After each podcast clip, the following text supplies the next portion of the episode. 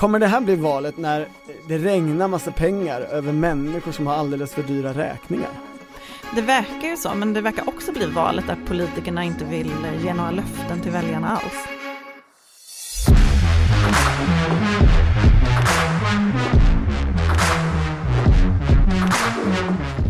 Det här är politiken med Maggie Strömberg och Torbjörn Nilsson. Och lyssna nu, snälla ni. Jag flög till Umeå med Jimmy Åkesson igår. Mm. Eh, det var hans första dag efter semestern. Och din också. Och min också. Eller din andra. Och det var liksom valrörelsestart.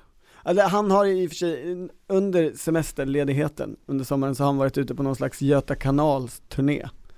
Men Nej men jag tror att, blev inte den inställd eller? nej, Den, nej den har hänt. Det, okej. det, det, det garanterar jag. Mm.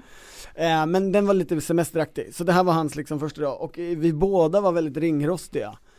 Eh, Jimmy glömde sina eh, hörlurar på flygplanet när vi klev av i Umeå och eh, sen hade han, jag förstår inte riktigt varför, men han hade checkat in bagage. Han ska göra någon, någon kortare turné i Norrland så han behövde väl ombyte och sådär. Och hans väska kom inte med. Är det sabotage? Den, Alltså den slags- fastnade på Arlanda. Var det något slags medvetet sabotage av en Eh, det, meningsmotståndare? det lät inte som, de miss, som någon misstänkte det, nej. Och, och själv så glömde jag plånbok. Så när jag kom till Arlanda eh, och skulle betala för taxin så hade jag ingen plånbok. Och det ledde till att eh, jag, klarade mig att, jag, jag klarade att swisha eh, taxibilen. Men sen insåg jag att jag kommer ju behöva någon slags mat eh, och snus. Det här kommer inte, det kommer inte funka. Så då är jag, jag är ingen early adopter när det gäller ny teknik så det här har ju många redan gjort men då, då lyckades jag till slut ladda ner mitt kort till telefonen en sån Apple Pay eh, grej så att man kan betala med, med telefonen. Du bara ler åt det här. Nej men jag, ab- absolut inte. Det är många, min pappa skaffade det också nyligen. Ja i vilket fall, eh, det fick mig att tänka på, det ger ju en helt annan känsla att betala när man liksom bara sträcker fram en telefon än ett kort. Eh, det gör det för mig i alla fall. Jag, jag, jag drabbas mycket av känslan av att det är inte jag som betalar. Det, pengarna bara kommer någon annanstans ifrån. Jag antar att det var så här folk tyckte första gången de fick liksom vanliga kreditkort, eller vanliga betalkort. Absolut, men alltså det, Till dras, cash, ju, alltså. det dras ifrån ditt konto. Eh, Alltså jag är helt och hållet medveten om det, nu pratar jag om en känsla, inte, inte om vad min hjärna gör, utan min, liksom känslan av. Och eftersom det var första dagen på valrörelsen så pratade jag och Jimmy en del om liksom, ja, vad är det här för val? Hur är ert läge inför det? Och det fick mig att tänka på liksom vad, vad, ja, vad är det här för en valrörelse? Vad ska man, vad ska statsvetarna kalla det här valet? Mm. Jag frågade Henrik Oskarsson det igår. Jag Mhm. pratade med honom. Det är ju numera han som döper valen. Jag vet inte Det- om han gör det själv, men det var ju Peter Esaiasson från början som i sin avhandling Ja, ha, döpte alla gamla val. Ja det, Från, det, eh, det känns ju 21 som en maktkupp i, eh, nere på eh, I Göteborg. statsvetenskapen i Göteborg. Jag vet inte om Peter Esaiasson, uh, Han kanske inte är sugen på det längre, Jag ska säga Esaiasson att- alltså, han kanske kan låta Henrik Oskarsson göra det. Henrik Oskarsson var väldigt noga med att eh, credda Esaiasson Okej. och sa att ja det var ju Peter Esaiasson som började med det här. Ja, Och de, de kanske ser det mer som en kollektiv, men det är ofta Henrik Oskarsson som för de här diskussionerna. Han... men det är alltså en ehm, kort benämning på valrörelsen, eh, som, Precis, alltså jag har faktiskt kan du ge några ex, eller Ja, har, har du he- hela listan? hela listan. Ehm, förra valet kallades förhandlingsvalet. I- In, ingen, ingen stark rubrik kanske men fortsätt. Ehm, 2014 kallades, kallades dödlägesvalet och det är väl, alltså det var ju då dö kom och Ja. sådär. Så det är väl åtta, En, part- en göteborgsk eh, ordvits, Tänk, räknar du in i den liksom? åtta partivalet hade vi året Mm. innan dess. När, alltså när SD kom in och, och innan dess var det alliansvalet, språktestvalet. Ja, det finns ju många här eh, såklart. Är det någon särskild du är intresserad Nej av? men jag tänker Erlandervalet kanske? Förr så hade, det, fanns, det var inte helt ovanligt förr i tiden att de hade liksom namn efter sakfråga. Absolut. Men det verkar inte ha varit så starkt. Men eh, på senaste decennierna. Vård, skola, omsorg-valet är det se- Nej, språktestvalet var det ju 2002. Ja, Men ehm, alltså grispremievalet. absolut, Men, ATP-valet. men det är ju på 50-talet. Mm. Mm. Men eh, Henrik Oskarsson eh, trodde ändå att brott och straff, eh, nej, eh, han kallar inte det, han säger ju brott och or, lag och ordning. Lag och ordning-valet. För att det är den viktigaste frågan. Mm, och att den aldrig har varit väljarna. så viktig Mm. förut i deras mätningar som de gjorde ju. De är ju, grejen med SOMs mätningar är ju att de görs väldigt långt innan valet och dagordningen har ju, alltså ekonomin till exempel har ju tillkommit sedan dess. Mm. Men så det får man väl se efteråt hur väl det stämmer. Jo men det är ju just det där som är frågan. Alltså, Jimmy Åkesson i, i, i Umeå, han höll ju inget, inget anförande på torget. Det verkar ju få partiledare göra nu för tiden. De har slutat med det. De kör eh, videos i Instagram och dörrknackning. Ja, det han gjorde, det var att han, han gick till torget, han skakade hand med de lokala som hade ställt upp en, ett valtält där. Eh, och sen så bildades det en lång kö av människor som ville ta selfies med honom. Och det var vad han gjorde. Men det kanske, det kanske är effektivt, alltså då sprider du ju budskapet till fler när de lägger upp det i sina sociala medier. Ja men det är ju mer som att han åker runt som en liksom, En rockstjärna. ja, eller en kändis av något slag. Eh, I vilket fall så, det han pratade om i intervjuer som han gjorde med lokala medier och med mig då. Det är ju, det är liksom brott och straff, det är trygghet. Det börjar inte i migration utan det börjar i trygghet. Så på det sättet så kommer ju, och det är han ju inte ensam om, det är ju många partier som, som har det som första fråga. Det har ju Socialdemokraterna också nu. Men frågan är om det verkligen är det som kommer vara slutkontentan. För varje dag som går så känns det ju som att ekonomin kommer vara viktigare. Ja men om man tänker på vad man haft för samtal under sommaren så med, med folk i sin omgivning så är det ju ekonomin man har diskuterat. Alltså jag vet inte hur många samtal jag har haft på temat hur ska du eh, liksom leva enklare i höst för att klara de ökade utgifterna. Ja men och det är ju spännande för inför sommaren, eller sommaruppehållet som politiken ändå tar i tre, fyra veckor, så var det, har det varit stora diskussioner om så här, kommer det bli jätte, jättevarmt och skogsbränder och att alla bryr sig om klimatfrågan igen? Eller kommer det ske massa skjutningar som det brukar göra på sommaren när, när, när de kriminella inte badar? Eh, och, och kommer liksom eh, brottsligheten bli ännu större och ännu viktigare? Då kan man väl konstatera att det blev en ganska varm sommar fast inte i Sverige utan på andra håll i Det Europa. blev en vecka av Ja, svensk. och det blev en del skjutningar. Men det är ingenting som har förändrat någon, någon dagordning eller någon Utan är det något som har förändrats så är det ekonomin. Räntehöjningen där i mitten av sommaren var det ju säkert många med bostadslån som kände av. Absolut. Och då, eh, därför tänker jag att det borde heta Apple Pay-valet.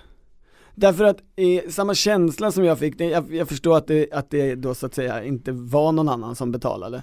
Eh, men jag hade ju den känslan och jag förstår också att det kommer gå över, kanske imorgon så kommer jag inte ha den känslan längre. Men det är ju precis så politiken fungerar kring ekonomin nu. Alltså det ska kompenseras, någon annan ska betala. Staten ska komma in och betala när det blir för jobbigt eh, med energipriser, med eh, räntor, med you name it. Ja men det där är ju rätt intressant. Moderaterna kom ju med ett förslag igår när det gällde elpriserna och sen Mm. åkte Jimmy, nej vad heter han, Ulf Kristersson eh, direkt till, Gud, det här, var det här Freudian? Nej, det var absolut det, inte. det är ju Jimmy det Åkesson. var absolut inte Freudian. Jag tycker inte alls att de Det är, är Åkesson lika. som styr Moderaterna. Har du sett Ulf Kristerssons eh, video på Instagram där han äter en eh, eh, rulltårta? Nej. Det är långt ifrån Jimmy Åkesson, kände jag då. Jag borde äta en jordnöt och dricka en proteinshake, jag vet. Men ingen är helt felfri, inte ens jag. Och det är trots allt rulltårtans dag. Jag börjar med den här. Och sen... Det var ändå 6 kilometer, så några kalorier har jag nog bränt. There's never been a faster or easier way to start your weight loss journey than with PlushCare. PlushCare accepts most insurance plans and gives you online access to board-certified physicians who can prescribe FDA-approved weight loss medications like Wigovi and Zepbound for those who qualify. Take charge of your health and speak with a board-certified physician about a weight loss plan that's right for you. Get started today at plushcare.com slash weight loss. That's plushcare.com slash weight loss. plushcare.com slash weight loss. Sen åkte Ulf Kristersson på Skåneresa, för det är ju i Skåne som eh, elen är allra smärtsammast, Ja, elkostnaderna. Men själva förslaget, Jo men Moderaterna vill införa ett tillfälligt högkostnadsskydd för privata elkunder i vinter. Alltså en vinter, den kommande vintern. Något slags maxtak där, ja, blir din elräkning eh, super, super dyr, vilket den kommer bli, eh, så ska staten betala 75% av ett, över, ett visst, över en viss nivå. De har inte satt nivån, tror jag inte. Eh, trots att de inte har satt nivån så, så är, gjorde Elisabeth Svantesson något slags räkneexempel i, i SVT och sa att eh, man kunde få 6000 i månaden. Men det ska bara vara under vintern också, det, det måste man ju definiera när det är vinter och det är ett trätoämne i ett, ett långt eh, land som Sverige. men, och du tycker att det här är sossigt, eller? Det är ju inte, det är ju, det, ja det är ju inte så ekonomiskt liberalt i alla fall. Alltså det, det, det var oerhört underhållande Svenska Dagbladets ledarsida, eh, obunden moderat, eh, de har ju skrivit om det här, de, de, de är ju ganska många gamla moderater där, och som tycker lite olika. Eh, och eh, här lyckades Peter Wennblad då landa ner i att det här var ett jättebra förslag, trots att det principiellt är helt uppåt väggarna. Eh, Men han skrev också på Twitter att Mattias Svensson fick ta extra lång lunch för att sänka sitt blodtryck efter att Peter Wemblad hade skrivit den här artikeln. Ja, för att i en, i en klassisk i, ekonomisk liberalism så är det ju, det första är ju grundtilltron till marknaden. Ett typiskt moderat förslag här hade ju varit att vi, vi måste göra det mer till en marknad och då kommer allting lösa sig. Marknaden löser ju problemen. Eh, det här är ju att inte tro på marknaden, det här är ju att staten ska gå in och reglera och påverka och Det kom förstöra också marknaden. Så en utbudsdiskussion efter detta såg jag, alltså hur skulle det här då påverka, skulle man öka elanvändningen och skulle Ja. inte det i sin tur då spä på problemet ytterligare? Ehm, Ja och ganska många är ju egentligen i grunden överens om att så här, energieffektivisering är någonting bra. Men eh, Men din poäng här är ändå att eh, det, i den här tiden då saker börjar bli dyrare väldigt snabbt så är liksom den allmänna förväntan att staten ska gå in och kompensera för detta. ja men det finns både en allmän, det finns ju liksom en, en, en kulturförändring som skedde under pandemin. Både bland politiker, så här, vilka redskap har vi? Jo, vi har, vi har redskapet att vi har jättemycket pengar och sen så öser vi det över någonting. Privata eh, eh, liksom människor eller företag, eh, ja, you name it. Det finns det, det, den, den möjligheten. Men det har ju också skapat en vana hos medborgare i att staten kommer ju och räddar upp det här om det går allt för, för mycket åt skogen. Ja men det finns ju något intressant tycker jag i eh, eh, vad ska man säga, medelklassens förväntningar, det är ett så dåligt begrepp, men alltså jag tänker på vår generation då som gick i skolan i, efter 90-talskrisen och alla liksom, åtstramningar och besparingar som det innebar. Och sen, Som Gustav Fridolin har skrivit många böcker om. ja vi är ju li, lika gamla, det skiljer en vecka på oss. Okej. Men eh, en generation som sen bara har fått det bättre och framförallt då de senaste åren med eh, liksom, all, alla som har ägt sin bostad har blivit rika. Alla har ju Ehm, inte ägt sin bostad. Så de Nej, inte men de som det, har gjort det. Absolut. Mm. Ehm, alltså de, de låga räntorna, ökade löner, alltså man, man har haft, väldigt många har haft det väldigt bra Ja, eh, och är nu i chock. Och jag, jag hade ett så roligt samtal med en, eh, en närstående som sa så här, i en av alla de här diskussionerna om hur man nu ska liksom förändra sin livsstil efter det nya ekonomiska läget, mm. så var det en som sa att ja, men vi kanske måste göra en radikal förändring och sluta köpa takeaway. Mm. Och då så sa jag att det kanske inte är en radikal förändring att inte längre köpa hämtmat utan laga sin egen mat. Ja. En radikal förändring kanske är du måste sälja bilen eller du måste flytta till en annan bostad för Ja. att du inte kan betala dina lån. Eller att du kan Ehm. inte flytta, eller du kan inte skilja dig för det, du sitter fast i, i, i en bostads... Nej men idén om att, idén om att behöva spara på, på takeawayn är eh, en så svår livsstilskompromiss, tycker jag säger någonting om, Hur oförberedd många är ja, på detta. ja, och Ja, och hur då, bra man har haft det. nej men och då tänker jag kombinationen av, av det och att politikerna är, har lärt sig att, att använda liksom pandemiverktygen och att det är valrörelse. Alltså här är det ju, det är ju lite för enkelt kanske eh, att så här, tillfredsställa vissa grupper. Eh, det här är ju en väldigt bred grupp som moder- i Moderaternas förslag, men det är ju, alltså, det är ju lockande för en politiker. De har ju löst, så att säga, ett problem genom det här. Folk så, kommer känna, okej jag kommer klara den här hemska, bittra vintern som kommer komma. Om jag bara röstar på Moderaterna. men jag såg att eh, tidigare Skåneordföranden i Moderaterna, Lars-Ingvar Ljungman, sa i vår tidning att eh, i Skåne är ju elen det enda man pratar om. Det är det enda människor bryr sig om. Och då är det ändå ett, område där man har brytt sig ganska mycket om invandring och skjutningar tidigare och Ja. sådär. Men att elen är liksom, det, det, det väger över allt. Nu kanske han liksom pratar utifrån sin moderata Vellinge-kontext, men jag tror inte det, för det stämmer ganska väl med vad jag hör också. Ja, Och, och, och jag menar, säg att nu Ulf Kristersson med det här förslaget och sin Skåneturné liksom vinner över Skåne, det är en ganska stor andel av svenska väljare. Ja och även om, om Ljungman pratar om, om vällingmoderater så är väl liksom, alltså det är ju sådana väljare de behöver också. De behöver eh, eh, fler moderata väljare och människor som, som kan appelleras av det där. Men de har ju inte löst problemet i Skåne. Alltså problemet är ju att, att det finns en, situa- en grundsituation där ett elprisområde har jättemycket högre energipriser. Och det är ju inte löst. Så det här är ju, det, det är ju riktigt sån valrörelse feberförslag egentligen. Vi, vi tar fram massa pengar och så öser vi dem över något och så har vi så att säga täppt igen det hålet för en liten stund. Alltså för vintern. Alltså när slutar vintern i Skåne? Den slutar ju i januari, egentligen, så det är liksom, den, den är över riktigt. redan då. Men den slutar tidigt, det är lite underbarare där än i andra delar av landet. Men ehm, det påminner ju lite om det förslaget som kom i början av pandemin, när de ville ge 100 miljarder per månad under maj och april 2020. Och i efterhand när man då såg liksom hur utsträckt pandemin blev så upplevdes väl det inte så realistiskt. Jag minns Nej. att jag frågade både Svantesson och Kristersson då hur länge, liksom vad är uthålligheten i det här förslaget, hur länge ska man behöva göra det? Men det ville de inte svara på då.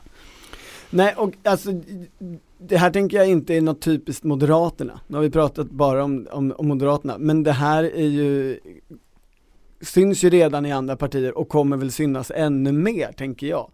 Jag pratade med en socialdemokrat och, och, sa, och sa att jag inte förstod vad deras valrörelse gick ut på. De hade något så här eh, pressmeddelande när de skulle presentera sin kampanj och det, i ingressen där så var det fem olika sakpolitiska områden plus Magdalena Andersson. Jag kände att det var lite ofokuserat. Och då sa, då sa den här, nej nej nej nej, alltså eh, det kommer ju komma massa utspel. Var lugn, det kommer bli tydligt vad vi vill med den här valrörelsen. Och då tänker jag att det kommer väl vara ungefär sådana här saker. Eh, en massa pengar som ska ges till olika grupper, eller till stora grupper. Everybody's stupid in an election year, Charlie. Everybody's stupid in an election year. Everybody's stupid in an election year, Charlie. Stupid in an election year. Stupid in an election year. Det var ju annars tydligt i P1 Morgon Ekots eh, partiledarintervju som drog igång den här veckan, när Magdalena Andersson var med, att eh, vallöften, det är ingenting som hon vill ägna sig åt. Jag kommer få tusen frågor under den här valrörelsen på kan jag lova det, kan jag lova det, kan jag lova det, kan jag lova det. Magdalena Andersson ägnade ju en, en ganska stor del av den här intervjun åt att förklara att eh, det går liksom inte riktigt att hålla någon ansvarig för att man gick in i januariavtalet och svek alla sina vallöften för att det är så det ser ut nu i den svenska riksdagen. Ehm, i, Det där är väl en radikal livsstilsförändring? hon Som sa, politiker, vi slutar ge löften. hon sa till exempel så här, på det sätt som man kunde utge vallöften när vi socialdemokrater hade 45 procent eller när alliansen hade egen majoritet. Det är inte möjligt idag. Och sen enades hon och Joa Bendjelloul, utfrågaren, Mm. Om att eh, valmålsättningar kanske var ett bättre begrepp än vallöften. Inte möjligt Nej, på kan man samma säga sätt då idag, att- även om frågan är relevant. Ja, att det här, eh, du vänder dig mot att ställa ut vallöften. Skulle man kunna säga att vallöften är ett omodernt ord i det parlamentariska läge vi har? Är valmålsättning kanske ett lämpligare ord? Ja, jag tror faktiskt det. Alltså det låter lite som de här tråkiga eh, beskrivningarna av valen som du läste upp, de här senaste. Valmålsättningsvalet. Valmålsättningar alltså. Ja, men jag, det finns ju något spännande i detta för att eh, hittills har det då varit Ulf Kristersson, Magdalena Andersson och Per Bolund var det idag och alla de har ju varit väldigt tydliga med, säkert brända sedan förra regeringsbildningen, med att de inte vill låsa in sig i löften eller i röda linjer. De säger vi kommer behöva kompromissa, det här går vi till val på, men det kommer inte bli verklighet. Mm. Eh, typ. Och Ja, Moderaterna har ju någon slags halvvariant för de har ju ändå saker som de är överens om på sin sida i politiken. Absolut, och de bygger liksom hela slutspurten i valrörelsen på det. Men när de får frågor om, men var finns finansieringen om ni inte kan spara på biståndet eller socialförsäkringarna? Ja. Då, Då har de, tar det har de ju inget svar på. Nej det har de inte. Och det kan, de kanske kan spara på biståndet. Kristdemokraterna och Folkpartiet, till ursäkta Liberalerna kanske kommer låta dem göra det, vem vet. Men det, det är ju ehm, som, liksom det är ju en situation som är lite ovanlig därför att man faktiskt inte riktigt vet vad någon av eh, de två regeringsalternativen går till val på. Man vet inte ens vad det, om det ena regeringsalternativet finns. Alltså Nej, om Annie Lööf är det kanske med. finns ett tredje Ehm, regeringsalternativ, det vet man väl inte heller riktigt. Men jag menar i förra valet, även i förra valet hade ju Alliansen en, ett, en gemensam reformagenda. Mm. Och Socialdemokraterna och Miljöpartiet hade regerat ihop, man hade en gans, liksom, ganska bra uppfattning om vad de ville. Mm. Nu vet man ju som sagt inte då om Magdalena Andersson ens har ett regeringsunderlag och man vet ju inte vem Ulf Kristersson ska ha i sin regering, om Liberalerna ska få vara med. Man vet inte hur stort inflytande Liberalerna kommer få i relation till Sverigedemokraterna. Man, man vet liksom inte, blir, blir det här ett mitten eh, alternativ eller blir det ett, ett väldigt högre alternativ? Nej det är oklart. Och det är också oklart eh, vilka skatter ska Socialdemokraterna höja? Om de ska samarbeta med vänsterpartister och miljöpartister. Ja, Och vilka och skulle ska Centerpartiet centerpartister göra det? Ja, så, så det blir ju, det blir ju mycket mer en valrörelse egentligen Alltså förutom att eh, Ulf Kristersson vill hålla på med det här, sin sida av politiken och de, de här sakuppgörelserna de trots allt har i botten Så blir det ju en valrörelse som är varje parti för sig mycket mer Ja, men och där du som väljare du vet vilket parti du röstar på, det kanske är till och med tydligare än i tidigare val vad ditt parti faktiskt vill. Men du röstar inte lika tydligt på ett regeringsalternativ och ett slutresultat. Det finns ju en, en inbyggd eh, risk för besvikelse här.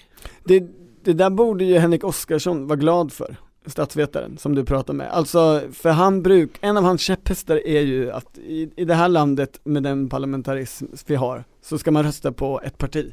Man ska inte rösta på ett regeringsalternativ. Ja, det är ju, eh, det är ju liksom Det, statsvetarna. det känns som att han, där driver han en, en, eh, en åsikt. Ja men och de andra, de andra statsvetarna, men Jan Theorell till exempel som eh, skrev bok om långa regeringsbildningen och forskade Mm. på den, eh, det, och Johannes Lindvall, en av deras tydliga slutsatser var ju just det här, man ska inte låsa in sig före val, man ska inte avge ultimatum ifall man vill ha en snabbare regeringsbildningsprocess. Men det man ser, som jag tycker man hör i de här intervjuerna och som man, som man liksom också upplever när man pratar med människor är att det, är någon slags här, träningsperiod nu för både partierna och väljarna, för att det har sett ut på ett annat sätt under så lång tid. Mm. Eh, och att nu måste man börja förstå det här nya systemet och vad det innebär. En statsvetenskaplig grundkurs kallade Henrik Oskarsson det vi befinner oss i nu. Alltså som, vi, som, som hela Sverige går samtidigt. Ja. Någon slags eh, light A-kurs. Vem, Han var optimistisk, det han inte var. vem är det- föreläsare och Nej, vem är examinator på den här kursen? Han tyckte att Magdalena Andersson var föreläsaren i sin intervju när hon Mhm, drog det här okej. med så här funkar det svenska valsystemet och så. Han, men- han gav vid på, på allt hon sa. Men eh, det han däremot ehm, tycktes besviken över, kanske ur ett statsvetenskapligt perspektiv, det var att Centerpartiet och Liberalerna inte hade tagit sin historiska chans att bilda ett mittenblock. Som han sa skulle kunna fått en strategiskt viktig position där man skulle kunna förhandlat med båda sidor, eh, valt de som gav dem mest politik. Alltså lite som man gjorde efter förra valet, men att man mycket tydligare skulle då gått till val som ett mittenblock. Med ett öppet mandat att se till att regeringspolitiken höll sig i mitten. Nu vet man inte var regeringspolitiken kommer hamna. Nej. Typ.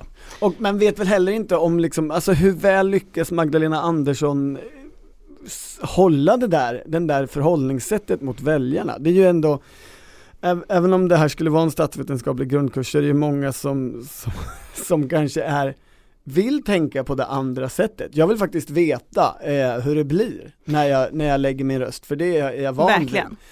Ja men sen är ju frågan om väljarna verkligen tillåter Magdalena Andersson att säga eh, jag har inga vallöften. Eh, alltså, det, man är ju, må, många väljare har kanske en känsla av att jag vill veta vad som händer efter valet om jag lägger min röst på parti X.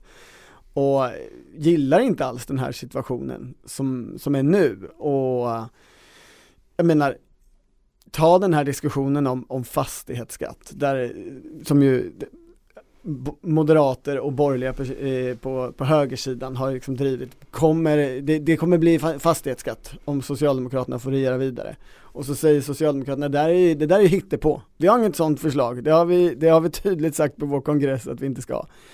Men den negativa kampanjen från högerhåll har ju en poäng i att det, det är ju en fråga om förhandlingar sen och de vet man inte riktigt hur de landar ut. Nej men så är det ju. och det, Magdalena Andersson går ju nu till val på Eh, ni minns väl att vi gjorde en budgetsanering. Eh, vi gör alltid det som är bäst för landet, inklusive ändrar oss om NATO. Och det utgår ju från hennes höga förtroendesiffror, att partiet tror att det räcker med att säga, liksom, lita på att jag kommer leda det här. Det är- Oavsett vad som händer. Och sen så säger hon, ja vi kan ju sitta och lova saker och skriva saker i ett avtal, men sen kommer det ändå en pandemi eller ett krig i Ukraina och då spelar det ingen roll. Men det där öppnar ju också för precis det som du säger, alltså att Moderaterna kan säga, ni kan inte lita på någonting hon säger. Hon ändrar sig till och med om NATO. Hon Mm. kommer ju ändra sig om fastighetsskatten också. Ja och det är ju något spännande i att hon behöver dra upp en, en liksom budgetsanering som skedde för ett kvarts sekel sedan. När hon ska liksom få någonting positivt om, om, om vad hennes eget parti har gjort och utfört. Eller det är det hon väljer i alla fall. Det, det, Det är ju ändå länge sedan. nej men om det inte hade varit pandemi och krig, Ja. var hade Socialdemokraternas valstöd legat nu? Hur hade opinionssiffrorna sett ut? Vad hade hänt med Socialdemokraterna i januari-samarbetet? Hade de liksom kraschat utan, utan den nationella samlingen?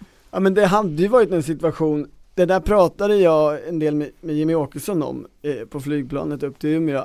Alltså det var ju en, en, en situation där det var tre jämnstora eh, partier och ett tag till och med i SIFO där, där, där Sverigedemokraterna var största parti i Sverige. Så är det ju absolut inte. Nu finns det ju fortfarande liksom ja, i mätningar och det är ju inte många veckor kvar ett stort parti och sen så finns det Eh, Moderaterna och Sverigedemokraterna som har ganska långt upp dit. Och Moderaterna och Sverigedemokraterna är ungefär jämnstora och båda gör, har i mätningarna ganska svaga siffror. Eh, alltså relativt sett. Eh, det kan ju vara så att båda de partierna gör ganska kassa val men att de själva, men att de ändå eh, skulle kunna eh, bilda regering. Alltså det, är ju ändå en situation där det går bra för Socialdemokraterna jämfört med hur det har sett ut under resten av mandatperioden och de har ganska högt självförtroende. Eh, så det är ju en helt annan valrörelse än, alltså om, om pandemin inte hade inträffat eller om kriget inte hade hänt eller om de inte hade bytt partiledare. Det är ju fortfarande mandatperiodens liksom största förändring eh, den att Liberalerna lämnade januariavtalet och att Socialdemokraterna som en konsekvens av det, det var i alla fall så Stefan Löfven själv uttryckte det, bytte partiledare. Ja men då kanske det här valet ska heta krisvalet då, eller krigsvalet, eller? Ja, det, alltså på det sättet så är ju pandemin fortfarande en stor sak, eller kriget. Det, vadå, du, du gillar inte Apple Pay-valet? Är inte det ett bra namn? Alltså jag tänker att det är inte så allmängiltigt, alltså det förutsätter ju att alla ska ha samma konstiga svindel när de betalar med sin mobil som du och jag, alltså kanske om det hade varit för några år sedan. Nej, men eh, nej, jag tror inte, det, sen tror jag inte heller att statsvetarna vill liksom promota ett särskilt varumärke och så. Nej.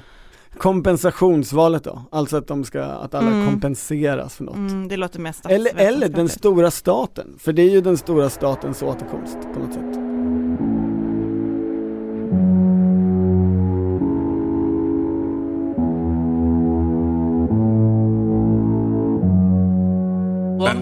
Bara käbbel. Det är bara käbbel.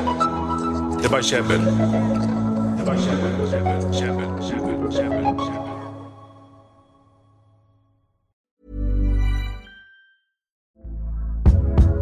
Hey there, it's Michelle Norris. I'm host of a podcast called Your Mama's Kitchen. When I travel, I'm usually looking for a way to find a taste of home when I'm not at home. And one of the things I love to do when I am at home is entertain. And Airbnb allows me to do that. When I was in California recently, I rented a house that had a great kitchen. And when we were sitting around the table, we were all thinking, we're in someone else's house. Someone could be in all of our homes as well. If you have a home, but you're not always at home, you have an Airbnb.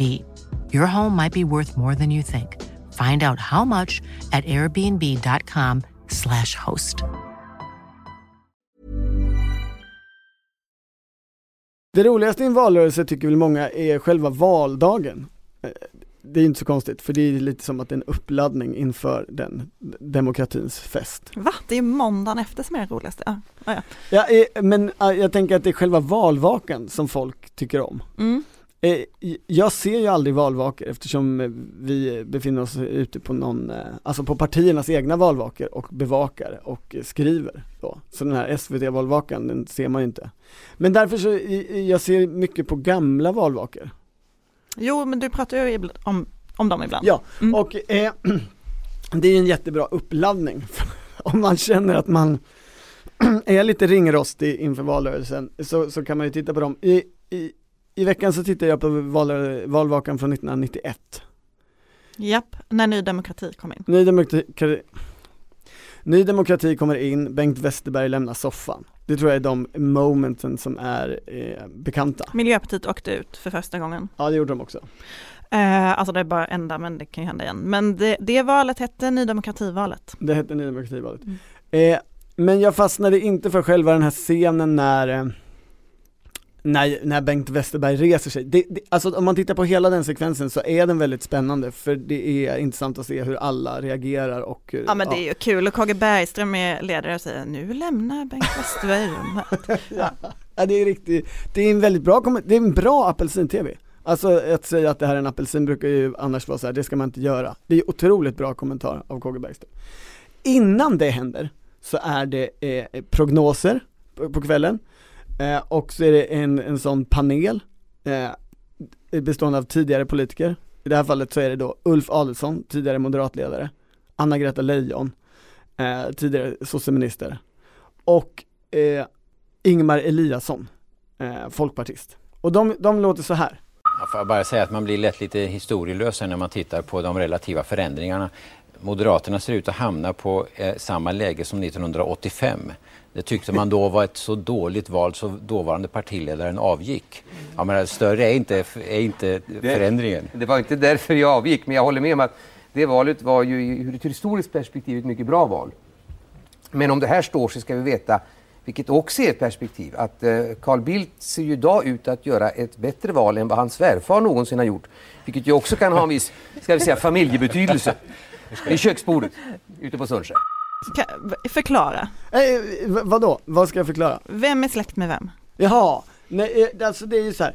Eh, eh, Ulf Adelsohn avgick 1985 för att det ansågs att de hade gjort ett dåligt val, Moderaterna. Så det är det Ingmar Eliasson hänvisar till. Och sen så eh, skickar Ulf Adelsohn liksom bollen vidare genom att säga att hans företrädare, Gösta Bohman, eh, en gramse sur gubbe, särskilt sur på Ulf Adelsohn, eh, aldrig hade så bra valresultat som Carl Bildt nu ser ut att få. Och Carl Bildt är ju vid det här tillfället svärson till Gösta Bohman. Alltså han gifte sig ju med Gösta Bohmans dotter Mia. Just det. Eh, eh, det är det som händer. Men det jag tycker är, det som det inte pratas så mycket om, är ju hur kommer det gå för Moderaterna? Moderaterna har ju på något sätt lyckats med den så här vår sida av politiken så att folk också nu pratar om, kommer de vinna valet, alltså den sidan? Kommer högern? Och hur kommer, hur kommer det funka? Ska Liberalerna vara med? Ska Sverigedemokraterna vara med? Den frågan. Men det ser ju inte särskilt bra ut för självaste Moderaterna. Och ska då Ulf Kristersson få fortsätta? Eh, Om han blir statsminister, tror du de ska sparka honom då? Nej, det menar jag. Om de, om de går med så här dåliga siffror som de har, alltså under 20%, det är ju, det är ju inget bra. Eh, helt enkelt. Och det, det, det, tycker jag är, i det här valet så, så påpekar ju naturligtvis folkpartisten surt eh, att det här är ju inget, det här är inget jättefint resultat för Moderaterna. Det ledde ju ändå till att, att eh, de borgerliga tog makten ihop med Ny Demokrati, vilket ja, liknar då kanske den här situationen. Och det kommer mer av det, lyssna här. Men får jag fråga, vad, vad tycker ni egentligen om det här med att ni då ska stödja er på Ny Demokrati? Det tycker vi inte om alls och det blir en stor svårighet naturligtvis i en regering. Att sitta i en regering där Ny Demokrati härjar runt i riksdagen och kan vara missnöjesparti och sen tvingas då finna breda lösningar för att få majoritet. Det är en ytterst, ytterst besvärande sits för ett moderat parti. Och kanske till och med en större svårighet än för mittenpartierna i det här läget vill jag säga. Så att det här är ur alla aspekter bekymmersamt parlamentariskt läge i Sverige. Mm, och då Ja. kanske det inte är så självklart med den här lösningen. Det kanske finns andra möjligheter. Nej, men det, det tycker jag vill säga också en kommentar att det här valutslaget är ju ungefär det sämsta som man kunde få för Sveriges del. Ja. Med oklar, ingen majoritet. Det som är riktigt intressant är att han, att han menar att det är svårare för, för Moderaterna än för mittenpartierna som det då hette, alltså Liberalerna och Centerpartiet med Ny Demokrati. Och det är ju egentligen samma sits idag, men på något vis så är fortfarande diskussionen, eh, står Jimmie Åkesson ut med Johan Persson och står Johan Perssons partivänner ut med Jimmie Åkesson? Eh, i hög utsträckning. Ja, alltså jag tycker, ja, jag förstår vad du menar. Jag tycker alltid det är lite svårt med Ny Demokrati-jämförelsen, för att det är ett så himla annorlunda parti än Sverigedemokraterna. Alltså Sverigedemokraterna har suttit i riksdagen i 12 år, eh, det är inte riktigt lika mycket liksom eh, vilda västern som Nej, Ny nej det är det verkligen inte. Nej.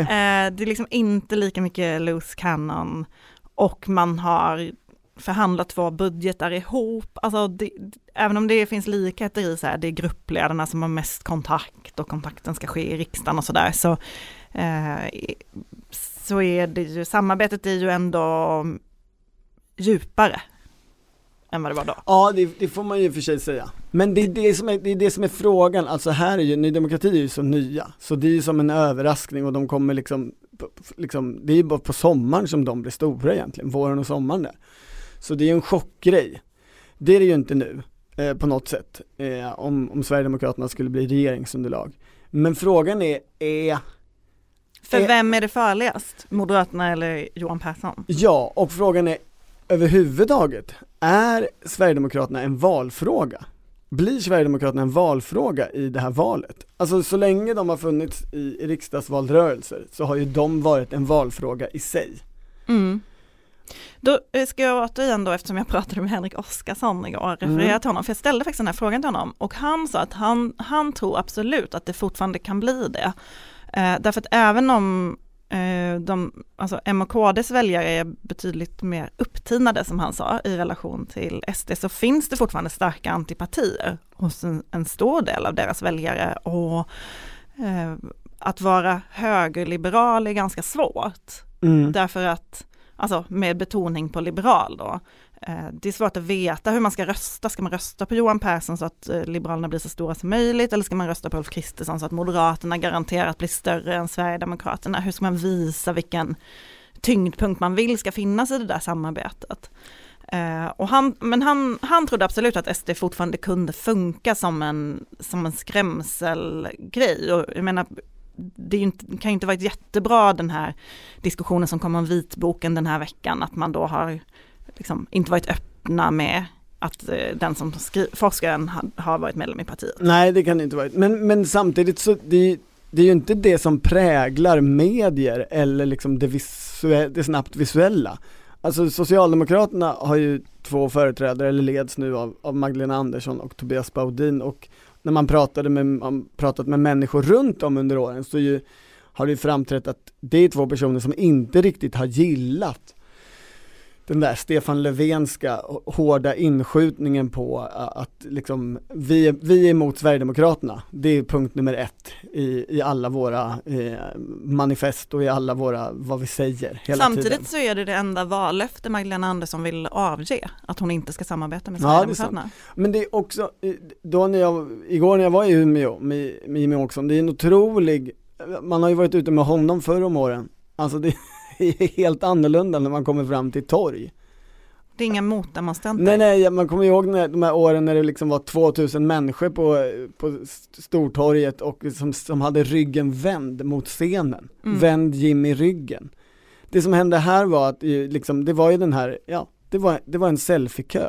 Och att folk tyckte det var skitkul att Jimmy Åkesson var där. Och ja, det är men ju är det annat. nödvändigtvis bra för partiet då? Alltså det kanske det är, men jag tänker de har ju byggt sin, kommer du ihåg den här valkampanjen de hade på Östermalms tunnelbana, där liksom, de ju hade satt upp en kom inte till Sverige Ja, tafflig engelska som blev nerriven och sen Ja. omskriven överallt. Och själva poängen med deras kampanjande har ju så länge varit just det där uppmärksamhetsdrivande. Ja. Och det får de inte längre. De Nej. får inte den där. Nej det behöver inte vara bra för dem, tänker jag. Men det förändrar ju hela eh, dynamiken. Alltså Mm. om Moderaterna, för jag skulle säga att Moderaterna är de som varit ledande i, så att säga, tvättandet av Sverigedemokraterna, eller att, att göra dem, göra det här mindre giftigt eller toxiskt. Eh, om de lyckas med det så förändrar ju det hela liksom, valrörelsedynamiken och just nu känns det ju inte som att det är någon riktigt som ger moteld. Alltså det- det är klart så här, Annie Lööf och Centerpartiet tycker fortfarande att Sverigedemokraterna, det, det kan man inte hålla på med. Och att Sverigedemokraterna i sig är en fråga. Men det är ju inte som att de får genomslag för det. Och, och det gör ju också att det är mycket svårare för dem att dra väljare över blockgränsen. Alltså Liberalernas storlek eh, hänger ju ihop med att, ja, en, en tillräckligt många verkar inte tycka att Sverigedemokraterna är så hemska. Ja, eller så vill man väldigt gärna ha ett maktskifte och tror inte på, på den här eh, center, liksom Annie Nooshi-lösningen. Eh, men man vill att Sverigedemokraterna ska ha så lite inflytande som möjligt och då röstar man på Johan Persson. Ja, så kan det vara. Ja, det är inte bara vi som har börjat jobba den här veckan. Lite segstartade, kanske. Det är några politiker också. Men valrörelsen är ju igång, de är ju på turnéer, de har börjat göra sina partiledarutfrågningar. I helgen håller både Jimmy Åkesson, Ulf Kristersson och Magdalena Andersson sommartal. Ja, det, det är en maxad helg med de tre största partierna som, som ska liksom lägga fast läget. Och vi eh, kommer podda mycket framöver, skicka in frågor till frågepodden, det kommer komma partiledarutfrågningar i det här flödet framöver och eh, Extra podd. nu kör vi!